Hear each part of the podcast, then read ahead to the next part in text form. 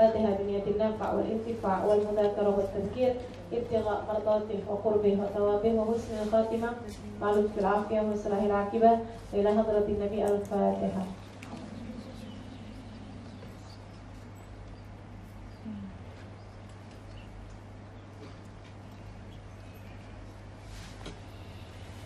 Teman-teman sedikit sekalian saya muliakan Kisah Maryam ini uh, lengkap ya. Allah SWT ceritakan Ada Maryam di usia Ada Maryam kecil, ada Maryam Ada Maryam dewasa.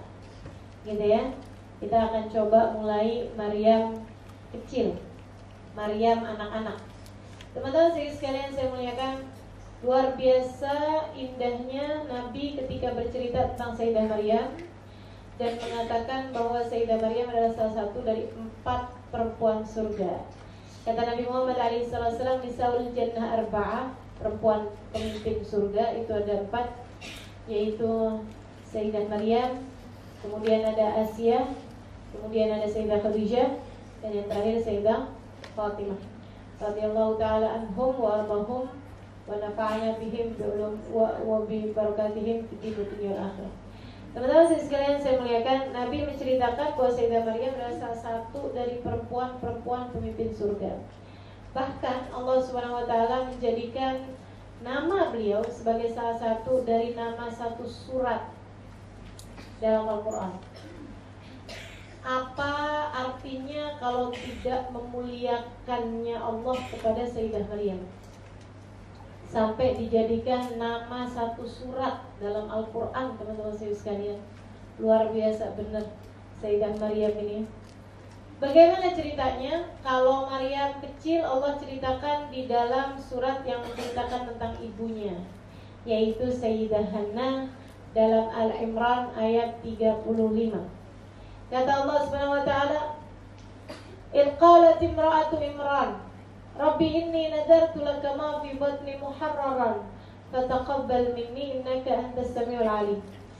فلما وضعتها قالت ربي إني وضعتها أنثى وليس الذكر كالأنثى وإني سميتها مريم وإني أعيدها بك وذريتها من الشيطان الرجيم فتقبلها ربها بقبول حسن وأنبتها نباتا حسنا وكفلها زكريا كلما دخل عليها زكريا المحراب وجد عندها رزقا قال يا مريم أن لك هذا قالت هو من عند الله إن الله يرزق من يشاء بغير حساب Ketika istrinya Imran berkata, Ya Allah, aku nadarkan apa yang ada dalam kandunganku ini sebagai persembahanku untukmu Terimalah ia dariku ya Allah. Sungguhnya engkau adalah zat yang maha mendengar Lagi maha mengetahui. Ketika istri Imran kemudian melahirkan anak tersebut Ternyata dia melahirkan anak perempuan. Dan tidaklah sama antara anak laki-laki dan anak perempuan. Istri Imran berkata Aku menamakan anak ini dengan nama Maryam Dan aku lindungkan dia dan keturunannya dari kejahatan setan yang terkutuk Allah pun menerimanya dengan penerimaan yang baik. Kemudian ditumbuhkan kepadanya benih-benih kebaikan dan ia pun dirawat atau diasuh oleh Zakaria. Tiap kali Zakaria masuk ke dalam mihrabnya, mendapati di sana terdapat rizki. Dia pun bertanya, Wahai Maryam, dari mana kamu dapatkan makanan ini nak? Maryam pun menjawab, Dia dari Allah subhanahu wa ta'ala Bukankah Allah adalah zat yang maha memberi rizki dari arah yang tidak disangka-sangka tanpa ada perhitungannya. Teman-teman sekalian, inilah kisah Sayyidah Maryam. Kisah yang secara detail Allah Subhanahu wa taala menceritakannya dengan dalam Al-Qur'an dan bukan hanya detail. Saya merasanya salah satu dari kisah-kisah indah yang Allah Subhanahu wa taala kisahkan dalam Al-Qur'an. Sedikit sekalian yang saya muliakan, hal pertama yang kita pelajari dari Sayyidah Maryam adalah kalau kamu pengen punya anak yang soleh soleha maka belajarlah untuk mensolehahkan dirimu Sebab dari ibu yang soleha akan lahir anak yang pantas menjadi soleh atau soleha. Saya rasa kebanyakan di antara teman-teman di sini belum menikah, sehingga saya rasanya uh, tidak sia-sia untuk bicara seperti ini. Karena kalau udah kawin, udah punya anak banyak, anak udah gede-gede, kalau saya bilangin siapin, siapin, siapin, ah udah telat ustazah gitu. Nah ini kan masih belum telat nih. Kebanyakan adik-adik belum nikah kan? Belum nikah kan?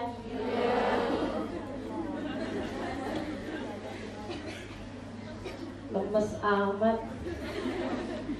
Jadi sekalian saya melihatkan Sayyidah Hannah namanya Ibunya Sayyidah Maryam Seorang perempuan sangat soleha Dia menikah dengan seorang laki-laki sangat soleh Yang merupakan salah satu dari nabinya Allah Subhanahu wa taala walaupun beliau bukan seorang rasul. Nabi aja, bukan rasul. Namanya Imran. Teman-teman sini sekalian, Imran ini berkawan sama seorang nabi namanya Zakaria alaihissalam. Mereka orang-orang soleh pada zaman tersebut dan dari keturunan orang-orang soleh. Sayyidah Hana menikah dengan Imran ini teman-teman sekalian. Jadi tuh kalau nyari suami harus cari yang soleh. Jangan asal suami teman-teman sekalian. Jangan asal laki-laki.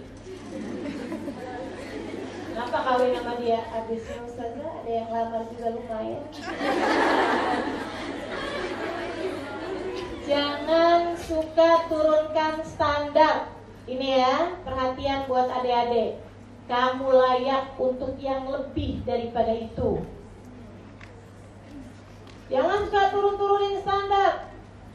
Habisnya gimana ya? Ya udah deh, nggak apa-apa deh. Ala kadarnya. Jangan asal ala kadar gitu. Karena yang kamu inginkan bukan hanya sekedar ala kadar, bukan.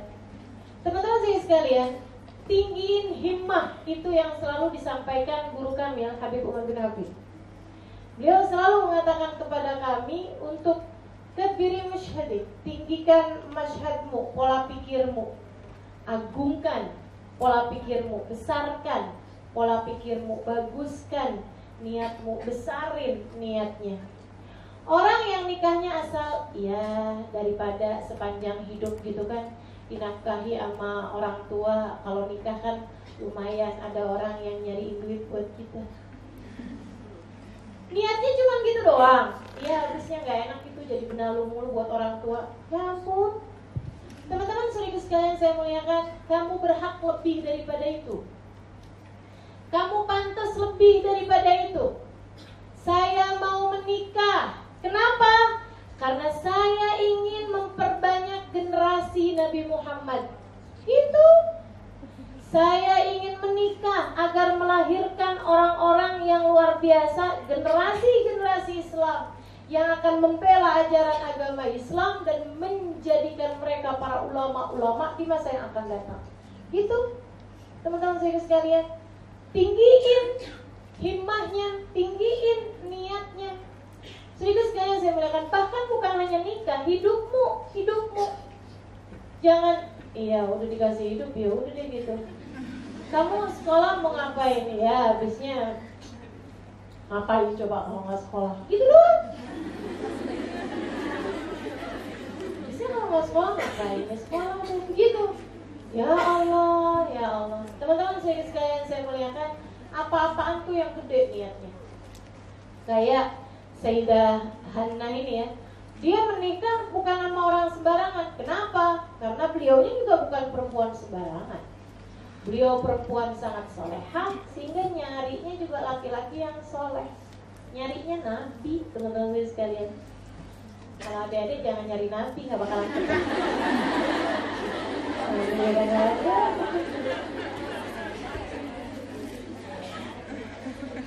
Teman-teman nikah kemudian lama nikah nggak punya anak sampai kemudian satu waktu Beliau kemudian hamil. Oh, senengnya luar biasa. Ketika hamil, dia nggak kemudian mikir, ya ampun, alhamdulillah nih ya, hamil juga akhirnya.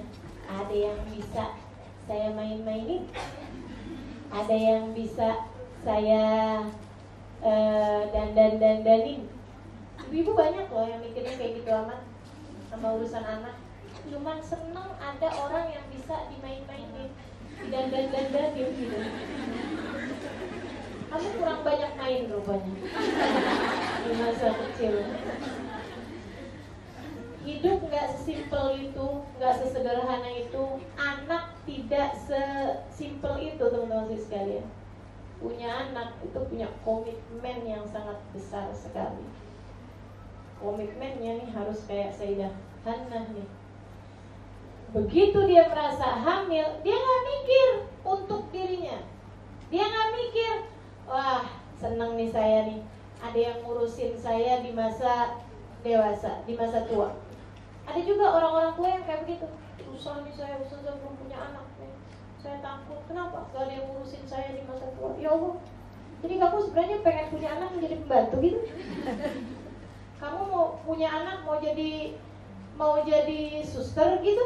Anak kamu mau kamu suruh jadikan sebagai perawat kamu gitu di masa tua Teman-teman sekalian, itu egois. Itu pemikiran yang sangat egois. Kamu hanya mikirin diri kamu sendiri. Sayyidah Marin, Sayyidah Hannah, lihatlah ketika dia merasa ada sesuatu yang bergerak dalam kandungannya, ketika dia merasa bahwa dirinya tertahan mensnya selama beberapa waktu, dia kemudian tahu bahwa dirinya hamil. Apa yang dia sampaikan? Rabbi inni nazartu laka ma fi batni muharraran fataqabbal minni. Ya Allah, aku niatkan apa yang ada dalam kandunganku ini persembahanku untukmu, hadiah untukmu, wakaf untukmu ya Allah. Terimalah ia dariku. Keren teman-teman sekalian. Hebat banget pemikirannya ini perempuan-perempuan revolusioner. Ini perempuan-perempuan yang berpikirnya jauh ke depan. Bukan hanya 10-20 tahun yang akan datang. Tapi dia berpikir untuk ribuan tahun yang akan datang. Sampai kepada akhiratnya. Sebab sesuatu hanya ketika kamu persembahkan persembahkan untuk Allah menjadi punya arti menjadi panjang menjadi kekal, menjadi tidak panah. Akan tetapi apa pun kalau kamu meniatkannya hanya untuk dirimu sendiri, hanya untuk kesenanganmu sendiri, teman-teman sekalian, ada masa akhirnya. Nikah, kalau niatnya mau nyari kesenangan sendiri, ada masa akhirnya. Apa pun aja, kalau kamu niatnya buat diri sendiri, hanya ada masa akhirnya. Saya sekolah nih, biar dapat pekerjaan yang bagus. Ada masa akhirnya, ada pensiunnya, kan gitu? Akan tetapi sesuatu kalau kamu niatkan buat Allah SWT nggak ada masa akhirnya serius sekalian. Panjang sampai membawamu dalam surga Allah Ta'ala. Panjang sampai membuatmu dapat berdiri dengan bangga di hadapan Allah dan di hadapan Rasulnya. Serius sekalian saya muliakan. Niatkan sesuatu buat Allah Subhanahu wa taala. Yang punya akal yang cerdas, belajar yang benar, niatin buat Allah biar saya bisa dipakai oleh Allah Subhanahu wa taala sebagai alatnya li'la kalimatillah untuk memberdirikan syiar agama Allah Subhanahu wa taala. Yang punya ilmu pakai ilmunya buat bawa umat Nabi Muhammad buat punya pendidikan yang bagus. Buat apa? Buat nyari ridha Allah, buat nyari syafaat Rasulullah alaihi yang mengajar niatin ngajarnya. Bukan hanya sekedar untuk dapat gajian kecil amat. Niatin buat nyari ridha Allah buat nyari syafaat Rasulullah Sallallahu Alaihi Wasallam. Dengannya menjadi sesuatu yang bermakna.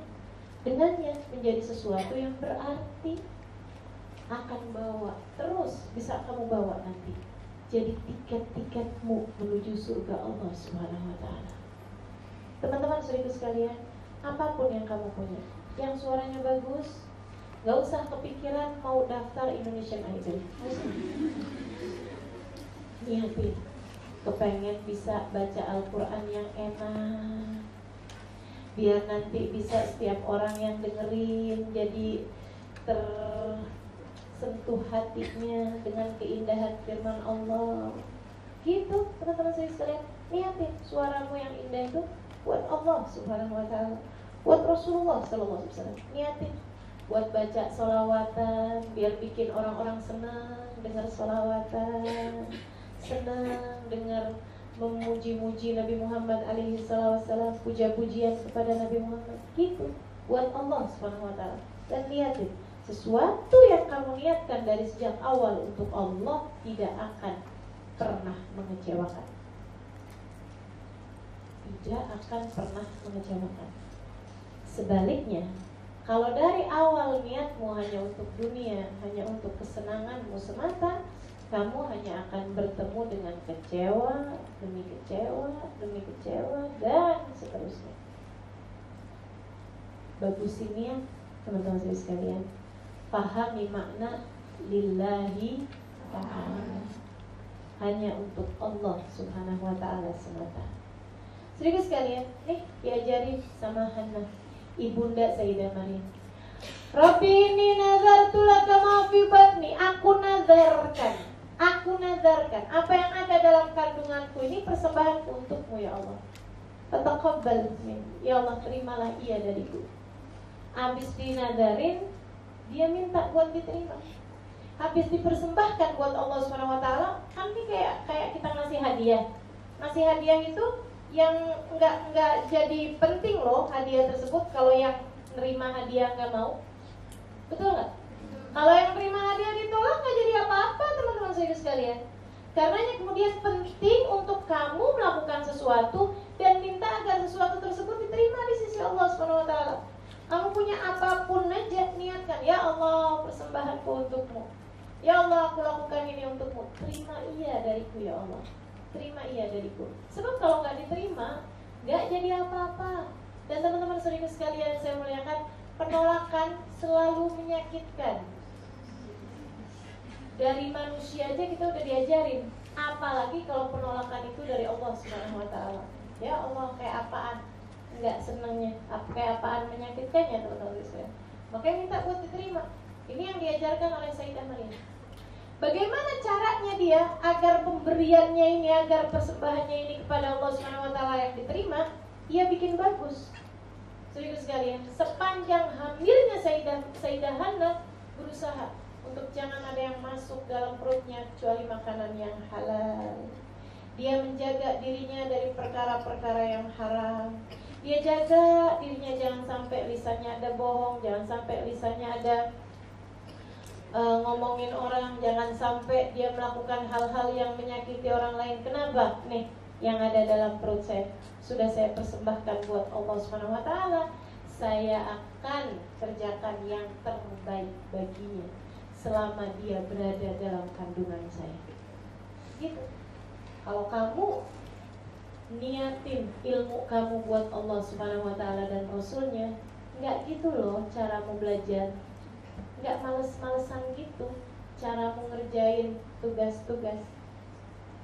Kalau kamu niatkan apa yang kamu punya buat Allah Subhanahu wa taala tidak sesederhana itu loh melakukannya.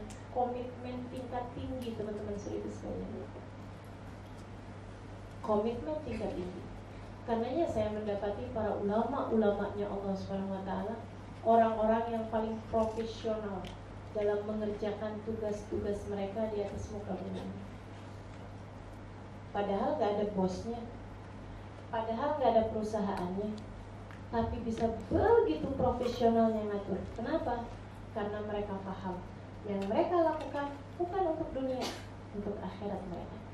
Karena mereka paham yang mereka lakukan bukan untuk mencari kesenangan dirinya sendiri, tapi nyari ridha Allah Subhanahu wa taala. Nyari Allah, nyari Allah Subhanahu wa taala. Dan untuk mencari Allah Subhanahu wa taala bukankah itu alasan yang cukup untuk kita menjadi sangat-sangat profesional? Seribu sekalian saya melihatkan ilmu profesional ini nggak didapat dari orang-orang yang kerja kerja sebagai karyawan enggak saudara sekalian nggak akan nggak uh, kurang profesional mereka gitu. Tapi kalau kamu pengen belajar profesionalisme, belajarlah dari para kekasih kekasih Allah Subhanahu Wa Taala. Mereka tuh yang profesional profesional hidupnya. Jadi sekalian, saya punya guru Mbak Nur misalnya, itu kadang-kadang semalaman ibadah, ibadah, ibadah, ibadah, ibadah, ibadah. Besoknya ngajar, ngantuk kan? Enggak. Besoknya mengajar, berkurangkah waktunya? Enggak. Tapi kalau orang kerjainnya bukan karena Allah SWT Kalau malam nggak bisa tidur Siang-siang harus ngajar gimana modelnya coba? Maka saya sekalian Kalau kamu di saat belajar mengantuk Yang kurang adalah niatmu. Yang kecil adalah niatmu teman-teman sekalian langsung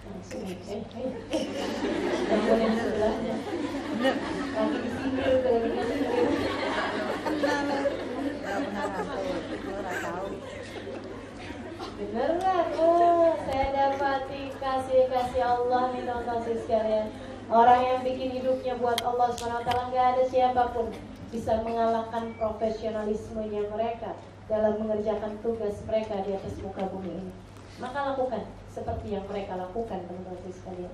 Sayyidah Hana mengajarkannya kepada kita. Dan pada masa-masa kehamilan tersebut, ada yang bilang di awal kehamilan, ada para ahli tafsir mengatakan di akhir kehamilan, ada yang mengatakan bersama dengan kelahiran anaknya. Suaminya meninggal dunia. Luar biasa benar kan?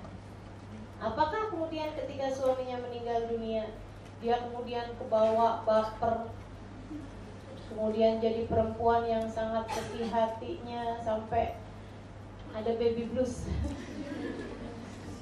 Ini orang jauh sekarang kan banyak yang kayak gitu tuh nggak ada serius sekalian.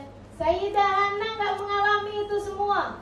Orang-orang yang beriman kepada Allah dengan keimanan yang tinggi Mereka orang-orang anti depresi teman-teman sekalian.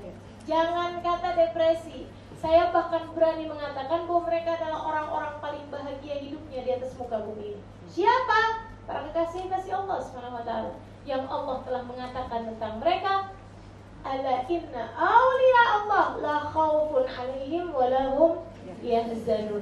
Sungguhnya para kasih-kasih Allah Subhanahu wa taala la khawf Gak punya kekhawatiran dalam hidup mereka Gak punya takut dalam hidup mereka Walahum yahzanun dan nggak punya kesedihan dalam hidup mereka. Datang hal yang tidak menyenangkan dalam hidup mereka mungkin, tapi sedih nggak? Apa yang terjadi? Nggak apa-apa terjadi. Suami meninggal dunia, ya nggak apa-apa gitu. Tapi khauf, rasa takut, wah siapa nih yang gedein anak ini nantinya? Nggak ada takut mereka. Khawatir, waduh ini nanti siapa yang nafkahin anak saya? Nggak ada teman-teman sekalian Suami meninggal, itu fakta. Tapi jangan kemudian membuatmu punya kekhawatiran-kekhawatiran sebab kekhawatiran-kekhawatiran itu opini saudara sekalian. Bedakan antara fakta sama sama opini. Beda itu teman-teman saya sekalian. Opini bisa dirubah, fakta tidak. Fakta tidak. Ada orang ngata-ngatain kamu, itu fakta. Bagaimana kamu menanggapi dia? Perasaan macam apa ketika kamu menanggapi dia? Itu opini. Terserah. Kamu mau beropini seperti apa, saudara? Makanya kita dapatin ada seorang ulama dikatain dasar anjing loh. Makasih ya pujiannya. Itu. Ada orang lain ngatain dasar anjing. Katanya gitu. Katanya orang nih. Itu fakta, saudara sekalian. Kamu nggak bisa merubah fakta kamu nggak bisa berusaha di atas muka bumi ini jangan ada siapa pun ngata-ngatain kamu nggak bisa teman-teman niscaya dalam hidup kamu pasti ada orang-orang yang nggak senang sama kamu berkata hal buruk sama kamu. Bahkan Nabi Muhammad alaihissalam sekalipun manusia paling sempurna di atas muka bumi ini dikata-katain orang kok gitu.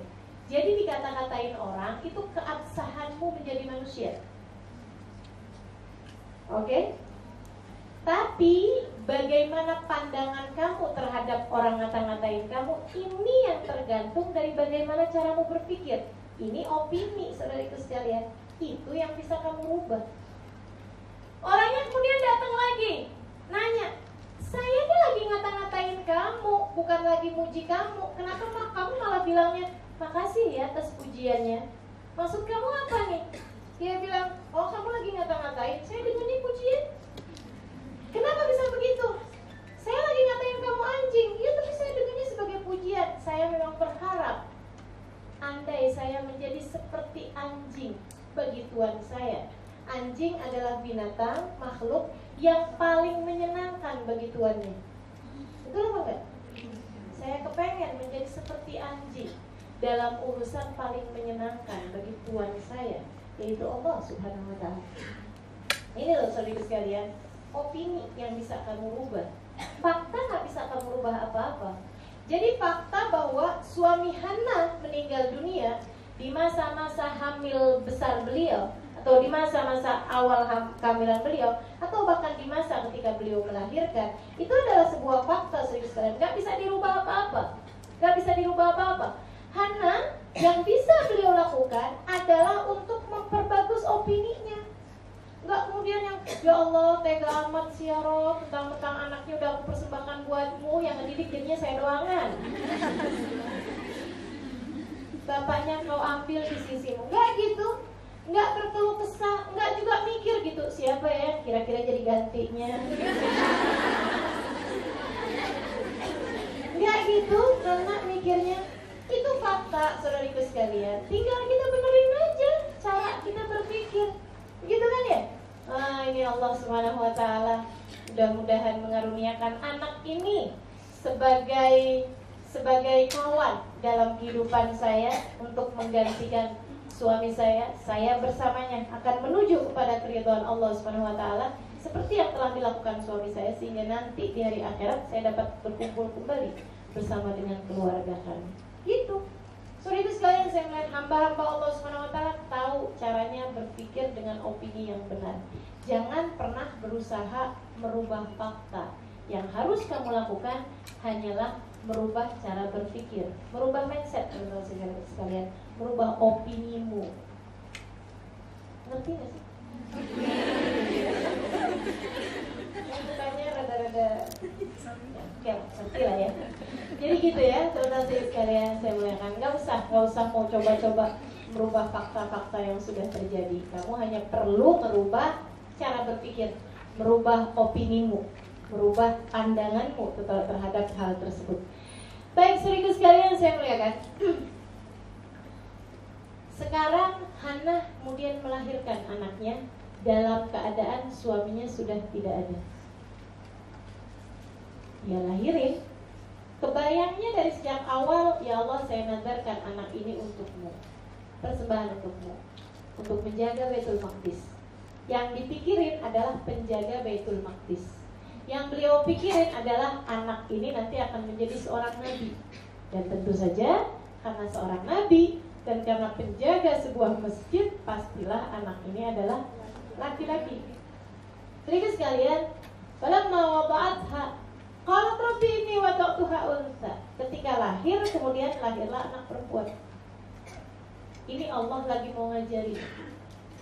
Lagi mau ngajarin bahwasanya anak perempuan bukanlah sesuatu hal yang tidak baik tidaklah lebih rendah daripada laki-laki. Ini udah dipersembahkan buat Allah loh ini. Ini udah dijagain sepanjang kehamilan loh ini. Sangat profesional Hana berbuat sebagai seorang perempuan hamil. Serius sekalian terhadap terhadap anak yang ada dalam kandungannya. Seharusnya kalau di mata Allah laki-laki lebih mulia daripada perempuan yang sudah bagus-bagus dari sejak awal lahirnya laki-laki dong. Bukan begitu? Sedikit sekalian, tapi enggak. Allah Subhanahu wa taala mau ngajarin semua umat manusia bahwasanya laki-laki memang berbeda dengan perempuan, akan tetapi bukanlah laki-laki lebih mulia dari perempuan. Sama aja di mata Allah Subhanahu wa taala. Sama aja, perempuan laki-laki bisa menempuh jalan kemuliaannya masing-masing. Ketika kemudian dia lahir, unta, laki-laki tidaklah sama dengan perempuan. Teman-teman serius sekalian, laki-laki tidak sama dengan perempuan. Demikian firman Allah Subhanahu wa taala, "Wa man asdaqu minallahi qila." Dan siapa yang lebih benar ucapannya daripada Allah Subhanahu wa taala? Enggak ada. Enggak ada yang ucapannya lebih benar daripada ucapan Allah Subhanahu wa taala. Maka sesudah Allah mengatakan, "Walaisa dzakaru kal unta." Laki-laki tidaklah sama dengan perempuan, seharusnya tidak ada pemikiran orang Islam mana pun yang hendak menyamanyamakan gender. Walaysa dzakaru kal unta laki-laki nggak sama sama perempuan. Bukan berarti laki-laki lebih mulia, cuman nggak sama. Mau disama-samain gimana modelnya emang nggak sama?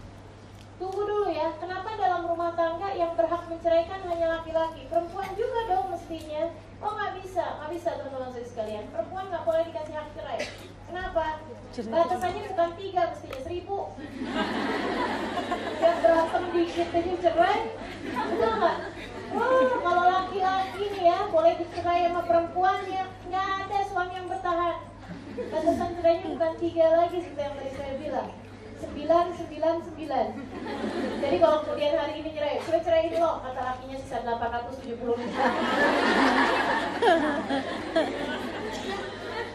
enggak kena emang enggak sama teman-teman saya sekalian. Tapi bukan berarti hina enggak sama masalahnya. Perempuan banyak bawa perasaan laki-laki banyak berpikir pakai logika. Walaisa dzakaru kal kamu hanya perlu menjalani apa yang sudah ditetapkan oleh Allah SWT dengan cara yang terbaik. Begitu. Saudara sekalian saya muliakan kayak Sayyidah Hana mengajarkan kita seperti itu. Walai sadakaru kal unta. Ini sama itu Maryam dikasih nama dengan nama Maryam.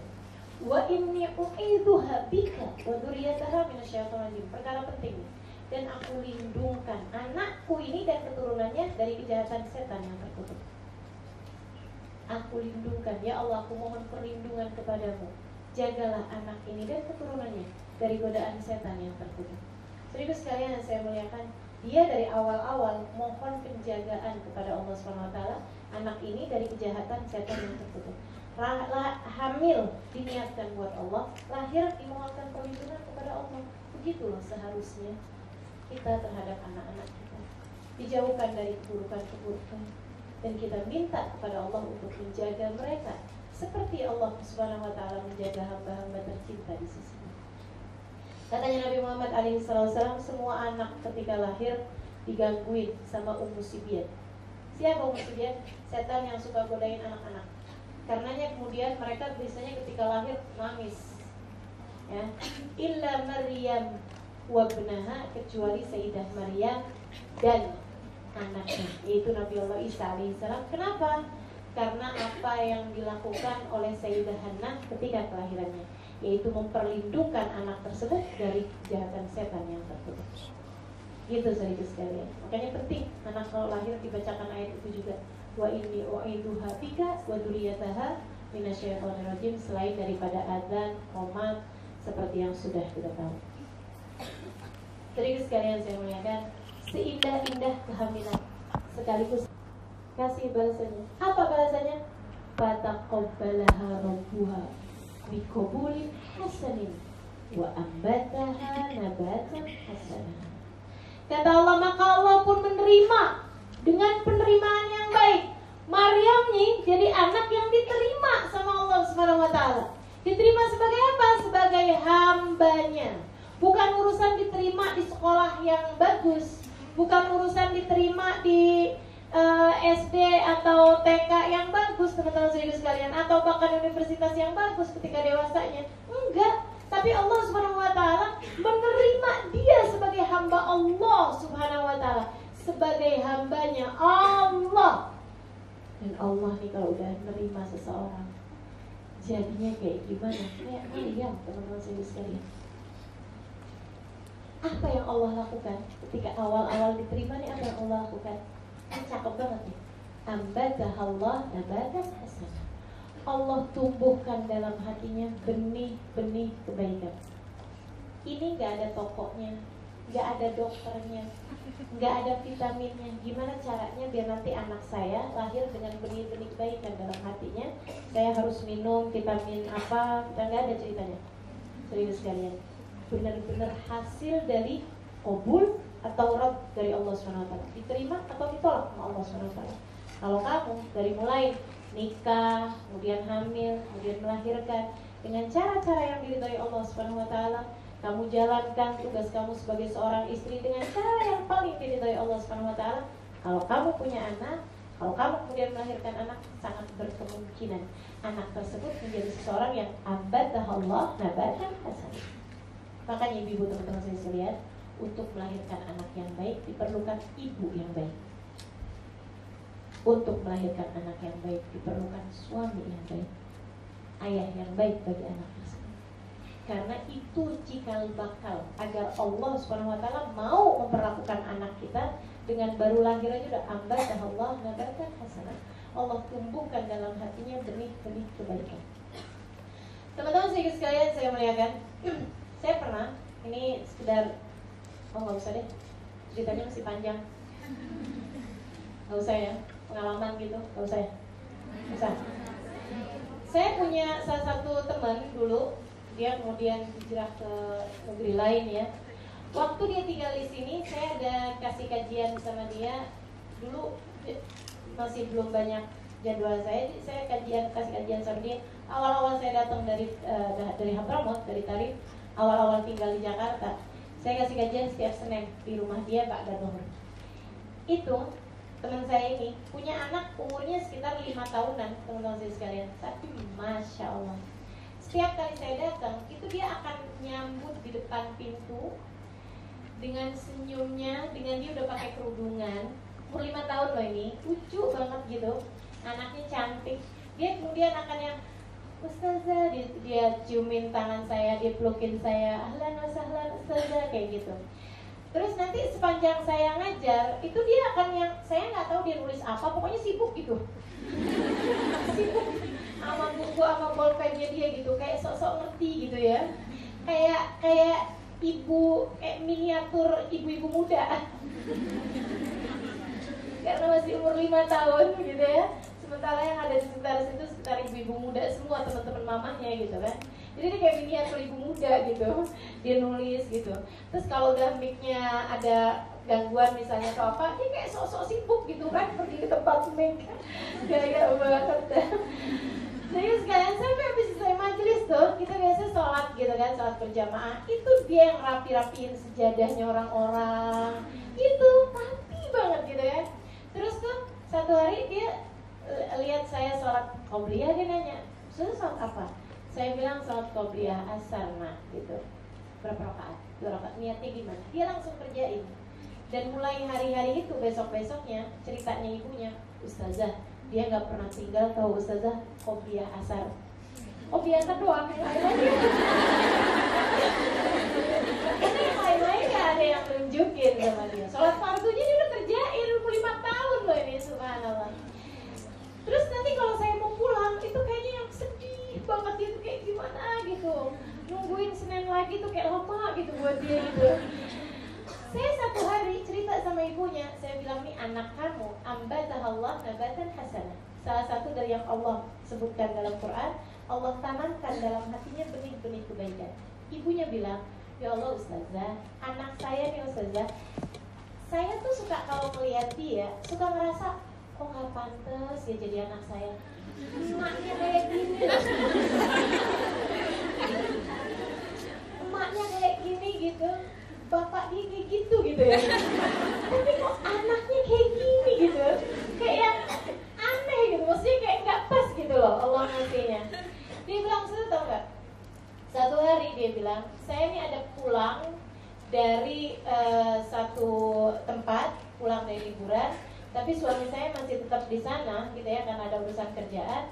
Saya pulang sama uh, anak saya. Dia punya anak dua ya anak yang umur lima tahun itu sama ada anak kecil masih merangkak. Umurnya iyalah tahulah umur umur merangkak belum satu tahun. Dia bilang saya waktu itu pulang dalam keadaan udah malam udah capek banget saya pun langsung tidur. Gitu kan saya uh, bikin susu anak saya tidurin gitu semuanya dia bilang tengah malam anak saya nangis. Saya lihat karena ternyata uh, ruangannya gelap rupanya mati lampu dan hasilnya tentu aja mati kan? Dia bilang saya pun dengan ngantuk luar biasa saya ambil lilin saya nyalain saya taruh di atas uh, lemari dia bilang. Saya kemudian langsung tidur lagi saya capek banget. Dia bilang berapa jam kemudian saya uh, bangun lagi karena suara batuk anak saya. Ketika saya bangun itu saya melihat api udah di mana-mana. Jadi kebakaran si lilin tadi itu, gitu ya. Dia bilang ya Allah Ustazah paniknya saya hari itu pas nggak ada orang di rumah kami kecuali kami bertiga ini bantu lagi pulang dia bilang suami saya lagi nggak ada di uh, Jakarta dia bilang akhirnya kemudian saya buru-buru ambil tas saya, saya ambil anak saya, saya gendong yang bayi, kemudian yang kecil ini saya uh, bangunin, dia kemudian kebangun gitu terus kami jalan keluar. Dia bilang saya pun jalan sendirian jam 2an malam, jam 3an malam gitu dia bilang ke rumah mertua saya yang alhamdulillah nggak jauh dari dari tempat tersebut ya dari rumah dia gitu jadi dia jalan kaki ke rumah mertuanya sambil melihat api ini udah besar banget di rumah dia gitu. Dia bilang saya keluar tuh sambil saya nangis gitu sepanjang jalan. Ya Allah nasib banget sih ini gitu. Mana suami gak ada, mana gak ada siapa-siapa gitu ya. Dia bilang saya nangis sepanjang jalan. Anak saya Ustazah yang umur 5 tahun nih sambil pegang tangan saya dia bilang kayak gini. Mama yang sabar ya mama Ini ujian ma. Ustazah Halima bilang gitu ma Orang hidup tuh memang diuji ma Ini ujian buat mama. Gak apa-apa ma. Yang kehilangan harta aja kan kata Ustazah gak apa-apa ma. Yang penting kan mama gak kehilangan keluarga. Mama gak kehilangan Dia bilang ya Allah Ustazah Lagi dia ngomong tuh Ustazah perasaan saya kayak Ustazah Halima lagi lagi nasehatin di telinga saya ya Allah ini anak memang luar biasa bener Ustazah dia tuh cerita gitu kan tentang beberapa hal tentang anak itu yang bikin saya memang luar biasa anak kamu ambai kalau Allah nabatan hasanah saya tanya sama dia saya bilang oke okay, kamu ngerasa bahwa kayak kapan pas gitu punya anak seperti dia tapi saya yakin ada sesuatu hal yang kamu lakukan di masa kamu hamil atau di masa kamu sebelum hamil gitu kan untuk bisa anak kayak begitu tuh ada pasti yang kamu lakukan. Dia bilang dia bilang iya sih Ustazah saya tuh kalau lagi hamil dipaksa tahajud sama suami saya. Nggak apa-apa dipaksa juga. Ada urusan yang penting bangun tahajud. Dia bilang saya tuh dipaksa tahajud Ustazah kalau lagi hamil kan nggak datang mens jadi kan dia bisa istiqomah tuh tahajud. Tiap kali saya lagi capek, saya lagi sakit, saya lagi males gitu Suami saya bilang kayak begini, dong bangun dong, tahajud dong Kesian lo anak kamu, saya bangunin kamu bukan karena kamu, karena anak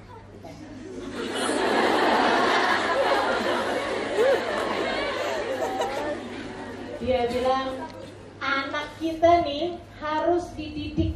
Anak kita nih harus di harus diperlakukan dengan sangat baik karena dia akan hidup bukannya zaman yang sama sama kita. Tantangannya lebih besar ujiannya lebih besar hal-hal yang dihadapi harus lebih besar maka harus kita senjatai dengan hal yang besar pula dan apa yang bisa kita lakukan sebagai orang tua kalau enggak meminta kepada Allah untuk menjaga dia. Yuk bangun, tahajud, doain anak kamu, doain anak kita.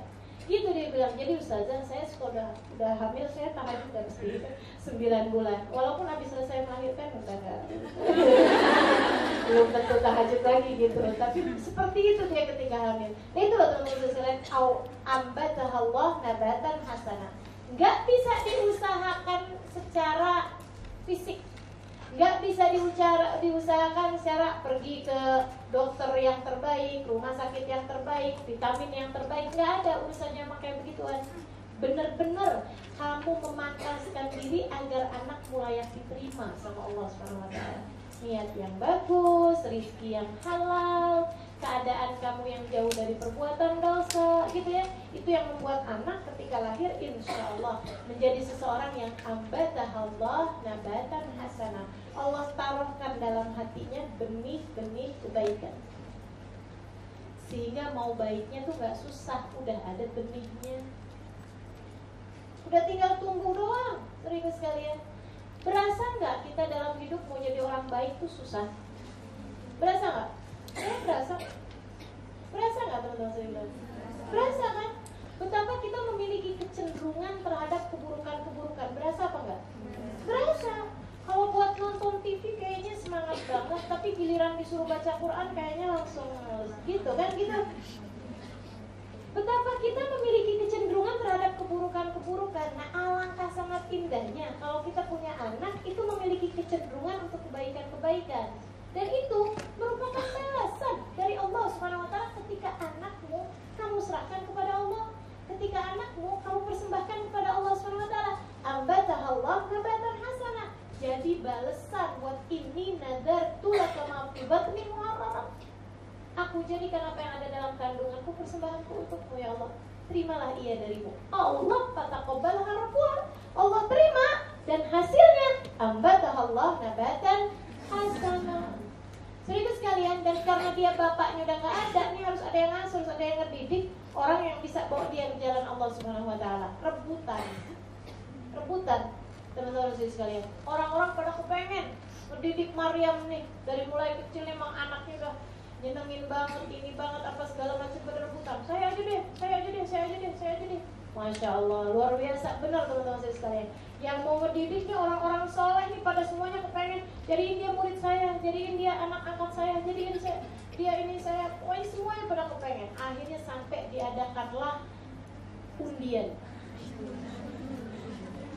Keren banget kan? Diundi gimana cara undinya masing-masing dari para orang-orang yang kepengen ngasuh ini memang rata-rata pada zaman tersebut jarak loh orang bisa nulis bisa baca tapi mereka nih yang pada kepengen mendidik Sayyidah Maryam adalah orang-orang berpendidikan pada masa tersebut ya 2000 tahun yang lalu lebih lebih dari 2000 tahun yang lalu. Seribu sekalian, apa yang mereka lakukan? Mereka kemudian pena-pena yang biasa mereka pakai buat nulis Taurat, buat nulis Injil, eh Injil belum ya, buat nulis Taurat, buat nulis kitab-kitab yang terdahulu, ini yang mereka undikan, mereka lempar ke sungai. Siapa yang penanya ngambang? Siapa yang penanya ngambang betul ya? Itu dia yang berarti dipilih Allah untuk bisa membesarkan anak ini. Jadi sekalian saya muliakan pada saat itulah yang ngambang adalah penanya Zakaria alaihissalam yang masih kau masih kerabat sama Sayyidah Maryam ini Sehingga sekalian saya muliakan, maka kemudian Sayyidah Maria mulai udah umur-umur agak ini ya, agak besar, maksudnya umur-umur belajar gitu. Dia pun kemudian dididik oleh Sayyidah, oleh Nabi Allah Zakaria alaihissalam. Sehingga sekalian saya muliakan, dia pun menjadi seorang perempuan ahli ibadah yang luar biasa. Sayyidina Zakaria alaihissalam tahu anak ini anak yang masya Allah benar dijaganya juga beneran banget. Teman-teman sekalian dia ditinggalkan di sebuah rumah di dalam bagian Masjidil Aqsa gitu ya saya kayak di halamannya atau apa. Tapi rumah tersebut itu tinggi dan untuk naiknya itu ada tangganya. Yang tangganya diambil balik sama Nabi Zakaria alaihissalam diambil balik tangganya. Jadi itu uh, rumah rumah tangga tapi nggak ada tangganya. Jadi nggak ada yang bisa naik kecuali Nabi Zakaria alaihissalam gitu ya. Dari ngejaganya Nabi Zakaria tuh. Dan itu pun ada di dalam sebuah bangunan teman-teman saya sekalian yang bangunan yang setiap kali Nabi Zakaria keluar dikunci sama bisa Zakaria. Jadi nggak bisa ke mana-mana Sayyidah Maryam dan jangan dikira wah terkungkung dong Nabi uh, Sayyidah Maryamnya, nggak seneng dong dia. Oh hamba-hamba Allah, para muslimah muslimah sejati, mereka mengerti caranya berkawan dengan Allah Subhanahu Wa Taala. Mereka ngerti caranya menghadirkan Allah dalam kehidupan mereka. Mereka pun selalu berada dalam mihrabnya, berzikir, beribadah kepada Allah Subhanahu Wa Taala. Di sanalah surga mereka. Allah pandang Sayyidah Maryam dengan pandangan penuh cinta. Seribu sekalian yang saya muliakan, sampai kemudian balik. Waktu masa kecil ini ini udah udah mulai kelihatan nih. Ada satu masa kan yang bisa masuk ke situ cuma Nabi Zakaria alaihissalam teman-teman saya sekalian dan ibundanya ya terus saja saya Hana gitu di waktu-waktu tertentu datangnya barengan sama Nabi Zakaria gitu kan. Nah itu saudara sekalian saya muliakan mereka dia bawa dong makanan-makanan Nabi Zakaria ini untuk Sayyidah Maria satu ketika pas lagi kirimin makanan udah ada makanan di situ. Ada buah-buahan. Tapi Nabi Zakaria diem aja dipikir oh ini mungkin ada ibunya yang tadi waktu datang itu ngasih buah itu mungkin gitu ya. Dia pikir aja gitu. Tapi lama kelamaan menjadi semakin aneh karena ada buah-buahan yang gak pada musimnya nggak musim rambutan tapi ada rambutan. Saya nggak tahu buah apa ya. Biar gampang aja buah yang pakai musim rambutan gitu kan. Nggak musimnya mangga ada mangga di situ? Kan aneh nih. Jadi nanya kemudian Maria dari mana nih nak kamu dapetin buah ini? Keliling sampai Gempur juga nggak ketemu di pasar-pasar nyari-nyari di mana juga nggak ketemu karena memang nggak pada musimnya gitu nggak ada sama sekali di kota tersebut buah itu gitu jadi nanya dari mana nih nak kamu dapat ini? Maria bilang, kenapa paman? Ini buah kamu dapat dari mana? Ah, buah min indillah. Kan dari Allah. Ya semua dari Allah sih nak. Cuman masalahnya gimana caranya nih? Tadi sih lagi uh, kepikiran aja nih kayaknya makan rambutan enak nih. Bisa ya rambutan ya. Lagi pikiran nih kayaknya makan rambutan enak nih. Terus saya bilang sama Allah ya Allah mau rambutan dong. Habis itu pas saya habis selesai salam sholat saya liatin ada kuahnya. Inna Allah yarzuqu man yasha bighairi hisab. Paman bukankah Allah memberi rezeki dari arah yang tidak disangka-sangka?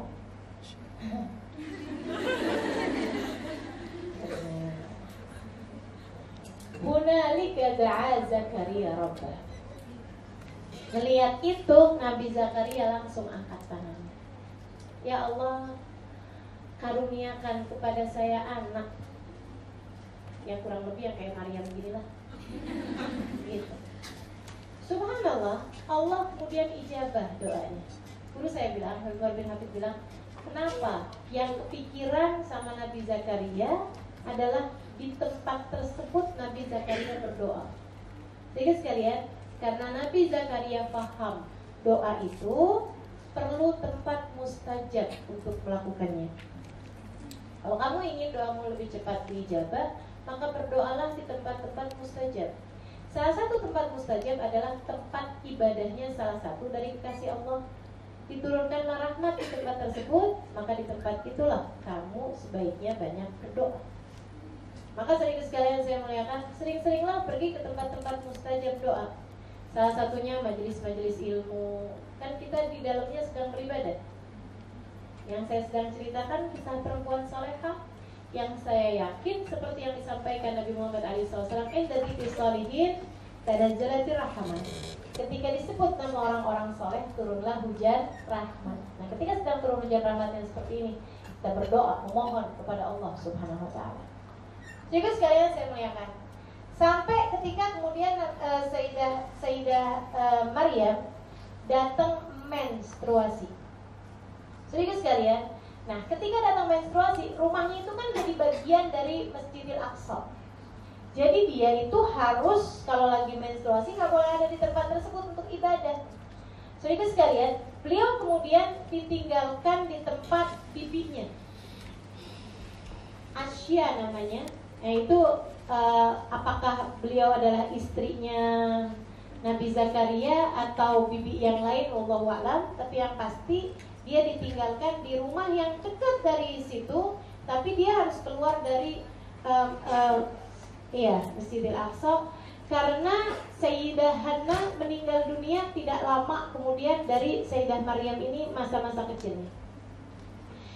Jadi dia sekarang yatim piatu, Sayyidah Hana ini, eh Sayyidah Maryam ini, dan dia kemudian di saat balik itu harus punya tempat lain yang bukan di dalam masjid untuk bisa um, tinggal untuk beliau tinggali di masa-masa beliau sedang berhalangan sebab rumahnya kan rumah masjid. Jadi dia pun kemudian tinggalnya di tempatnya Asyir. Kalau dia jalan dari tempat tersebut ke tempat yang lain, itu beliau pakai hijab. Maksudnya beliau tidak menampakkan bahkan wajahnya sekalipun sehingga orang nggak bisa kenal siapa beliau. Kenapa? Karena beliau sangat menjaga diri. Padahal waktu itu teman-teman saya sekalian belum ada kewajiban, belum ada perintah untuk hal-hal yang seperti itu.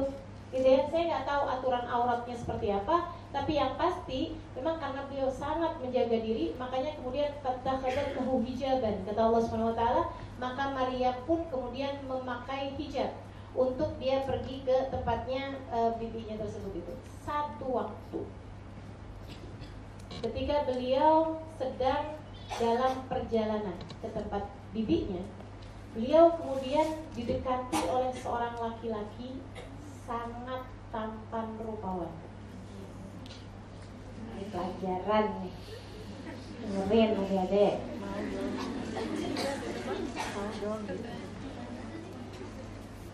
Wadkur fil kitab Maryam. Mana ya?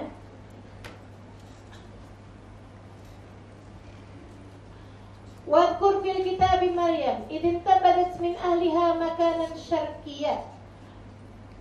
Ketika beliau menjauh dari keluarganya, maksudnya dia tinggalkan uh, rumahnya, makanan syarqiyah di tempat di arah timur. Fatakhadat min dunihim hijaban. Dan dia selalu aja karena nggak mau diliatin sama orang-orang,